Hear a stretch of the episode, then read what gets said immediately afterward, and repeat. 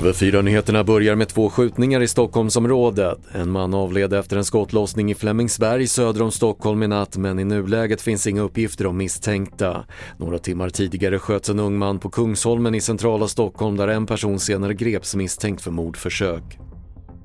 Krig, inflation och klimatkris är tre stora oroshärdar i världen som fick samtalen till BRIS, Barnens rätt i samhället, att öka med 7% förra året. Vid krigsutbrottet så såg vi ganska mycket samtal med oro både bland äldre ungdomar eh, kopplat till om NATO, om man själv skulle behöva strida till exempel. Vad händer om Ryssland anfaller Sverige? Den typen av frågor. Det sa Magnus Jägerskog, generalsekreterare på BRIS.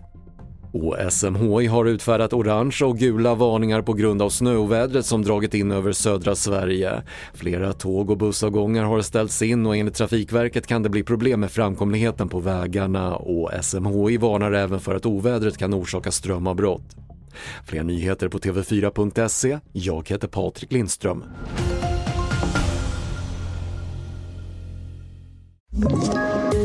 Poddtips från Podplay. I podden Något Kaiko garanterar östgötarna Brutti och jag, Davva, dig en stor dos skratt.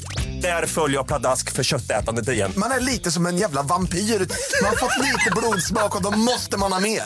Udda spaningar, fängslande anekdoter och en och annan arg rant.